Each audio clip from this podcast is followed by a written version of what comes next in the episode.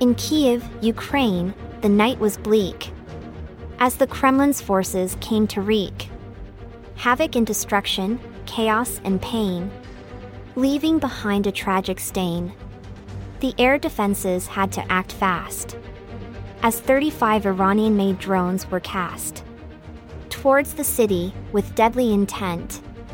But Ukraine's defense was not bent. The drones were shot down, one by one, until the mission was finally done. Kyiv was safe, but the cost was high, as four civilians lost their lives and cried. The world looked on in disbelief, as the Kremlin's forces caused so much grief. In a land that's known for its beauty and pride, where its people live on the brighter side.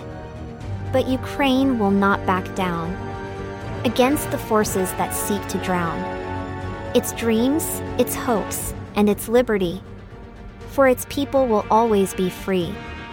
The night may be dark, but the dawn will come, and Ukraine will rise again, overcome the challenges that it faces each day, with courage, strength, and the will to stay. So let us stand with Kyiv in this fight. For justice, freedom, and human rights. And let us pray for the fallen four, whose lives were taken too soon, for sure.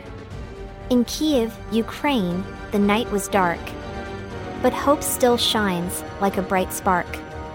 That will light the path towards a new day, where peace and love will always sway.